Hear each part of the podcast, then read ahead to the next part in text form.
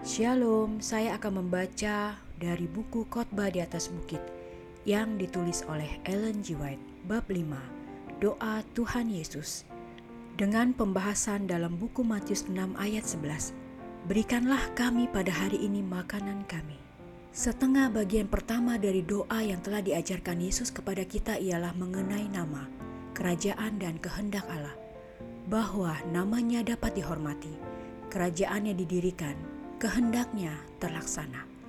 Apabila engkau telah membuat pelayanan Allah perhatianmu yang pertama, engkau dapat memohon dengan keyakinan bahwa keperluanmu sendiri dapat disediakan. Jika engkau telah menyangkal dirimu dan menyerahkannya kepada Kristus, engkau adalah anggota keluarga Allah, dan segala sesuatu yang ada di dalam rumah Bapa adalah untukmu. Seluruh perbendaharaan Allah terbuka bagimu, bagi yang ada di dunia sekarang maupun yang ada di dunia yang akan datang. Pelayanan para malaikat, karunia Roh Kudus, upaya para pelayannya, semuanya bagimu. Dunia dengan segala yang ada di dalamnya adalah untukmu sejauh itu menjadi kebaikanmu. Bahkan permusuhan orang jahat pun akan terbukti sebagai suatu berkat oleh mendisiplinmu untuk surga. Jika kamu adalah milik Kristus, segala sesuatu adalah milikmu. 1 Korintus 3 ayat 23 Tetapi engkau adalah sebagai seorang anak yang belum ditempatkan dalam pengendalian warisannya. Allah tidak mempercayakan kepadamu milikmu yang berharga, agar setan dengan seninya yang licik tidak akan memperdayakan engkau, seperti yang engkau lakukan kepada pasangan suami istri pertama di Eden. Kristus mempertahankannya bagimu, selamat melewati jangkauan perusak. Seperti anak, engkau akan menerima hari demi hari apa yang diperlukan untuk kebutuhan hari itu. Tiap hari engkau harus berdoa, Berikanlah kami pada hari ini makanan kami yang secukupnya. Janganlah cemas jika keperluan esok tidak cukup. Engkau memperoleh jaminan janjinya. Diamlah di negeri dan berlakulah setia. Ia akan memberikan kepadamu apa yang diinginkan hatimu. Dulu aku muda, sekarang telah menjadi tua, tetapi tidak pernah kulihat orang benar ditinggalkan atau anak cucunya meminta-minta roti. Mazmur 37 ayat 3 Allah yang menyuruh burung gagak untuk memberi makan Elia di sungai Kerit tidak akan meninggalkan seorang pun dari anak-anaknya yang setia dan mengorbankan diri. Akan dia yang berjalan dengan benar ada tertulis, rotinya disediakan, air minumnya terjamin. Mereka tidak akan mendapat malu pada waktu kecelakaan dan mereka akan menjadi kenyang pada hari-hari kelaparan.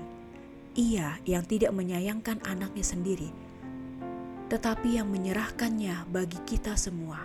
Bagaimanakah mungkin ia tidak mengaruniakan segala sesuatu kepada kita bersama-sama dengan dia? Yesaya 33 ayat 16 Mazmur 37 ayat 19 dan Roma 8 ayat 32 Dia yang meringankan kekhawatiran dan kecemasan ibunya yang janda dan menolongnya untuk mengurus rumah tangga di Nazaret simpati dengan setiap ibu dalam pergumulannya untuk menyediakan makanan anak-anaknya. Dia yang merasa kasihan melihat orang banyak karena mereka lelah dan terlantar. Matius 9 ayat 36. Masih merasa kasihan melihat orang miskin yang menderita. Tangannya diulurkan kepada mereka dengan berkat. Dan dalam doa, dia ajarkan kepada murid-muridnya. Dia ajarkan kepada kita untuk mengingat orang miskin. Apabila kita berdoa, berikanlah kami pada hari ini makanan kami yang secukupnya. Kita minta untuk orang-orang lain maupun untuk diri kita, dan kita akui bahwa apa yang diberikan Allah kepada kita bukanlah untuk diri kita saja. Allah memberikan kepada kita dengan kepercayaan bahwa kita bisa memberi makan orang-orang lapar. Oleh kebaikannya ia telah memelihara orang miskin. Mazmur 68 ayat 10 dan ia katakan, apabila engkau mengadakan perjamuan siang atau perjamuan malam, janganlah engkau mengundang sahabat-sahabatmu atau saudara-saudaramu, atau kaum keluargamu atau tetangga-tetanggamu yang kaya. Tetapi apabila engkau mengadakan perjamuan, undanglah orang-orang miskin, orang-orang cacat, orang-orang lumpuh dan orang-orang buta. dan engkau akan berbahagia karena mereka tidak mempunyai apa-apa untuk membalasnya kepadamu. Sebab engkau akan mendapat balasannya pada hari kebangkitan orang-orang benar. Lukas 14 ayat 12 sampai 14. Dan Allah sanggup melimpahkan segala kasih karunia kepada kamu, supaya kamu senantiasa berkecukupan di dalam segala sesuatu. Orang yang menabur sedikit akan menuai sedikit juga, dan orang yang menabur banyak akan menuai banyak juga. 2 Korintus 9 ayat 8 Doa untuk makan setiap hari bukan hanya mencakup makanan yang mempertahankan tubuh, tetapi juga makanan rohani yang memelihara jiwa sampai kepada hidup yang kekal. Yesus meminta kita, bekerjalah, bukan untuk makanan yang akan dapat binasa, melainkan untuk makanan yang bertahan sampai kepada hidup yang kekal. Yohanes 6 ayat 27 Katanya, Akulah roti hidup yang telah turun dari surga. Jikalau seorang makan dari roti ini, ia akan hidup selama-lamanya. Ayat 51. Juru selamat kita adalah roti hidup dan adalah oleh melihat kasihnya, oleh menerimanya ke dalam jiwa, sehingga kita hidup dari roti yang turun dari surga. Kita menerima Kristus melalui firman-Nya, dan Roh Kudus diberikan untuk membuka firman Allah kepada pengertian kita dan membawa kebenarannya kepada hati kita. Kita harus berdoa hari demi hari agar apabila kita membaca firman-Nya, Allah akan mengutus rohnya untuk menyatakan kepada kita kebenaran yang akan menguatkan jiwa kita untuk keperluan hari itu.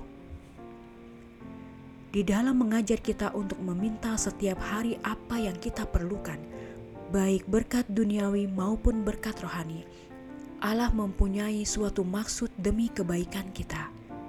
Dia mau agar kita menyadari ketergantungan kita kepada pemeliharaannya yang terus-menerus, karena Dia berupaya menarik kita untuk berhubungan dengan dirinya. Dalam hubungan ini dengan Kristus, melalui doa dan belajar kebenaran-kebenaran besar dan berharga dari firman-Nya, kita selaku orang-orang yang lapar akan diberi makan. Selaku orang-orang yang haus, kita akan disegarkan mata air kehidupan. Demikianlah bacaan buku khotbah di atas bukit, doa Tuhan Yesus dalam pembahasan buku Matius 6 ayat 11. Berikanlah kami pada hari ini makanan kami. Tuhan memberkati.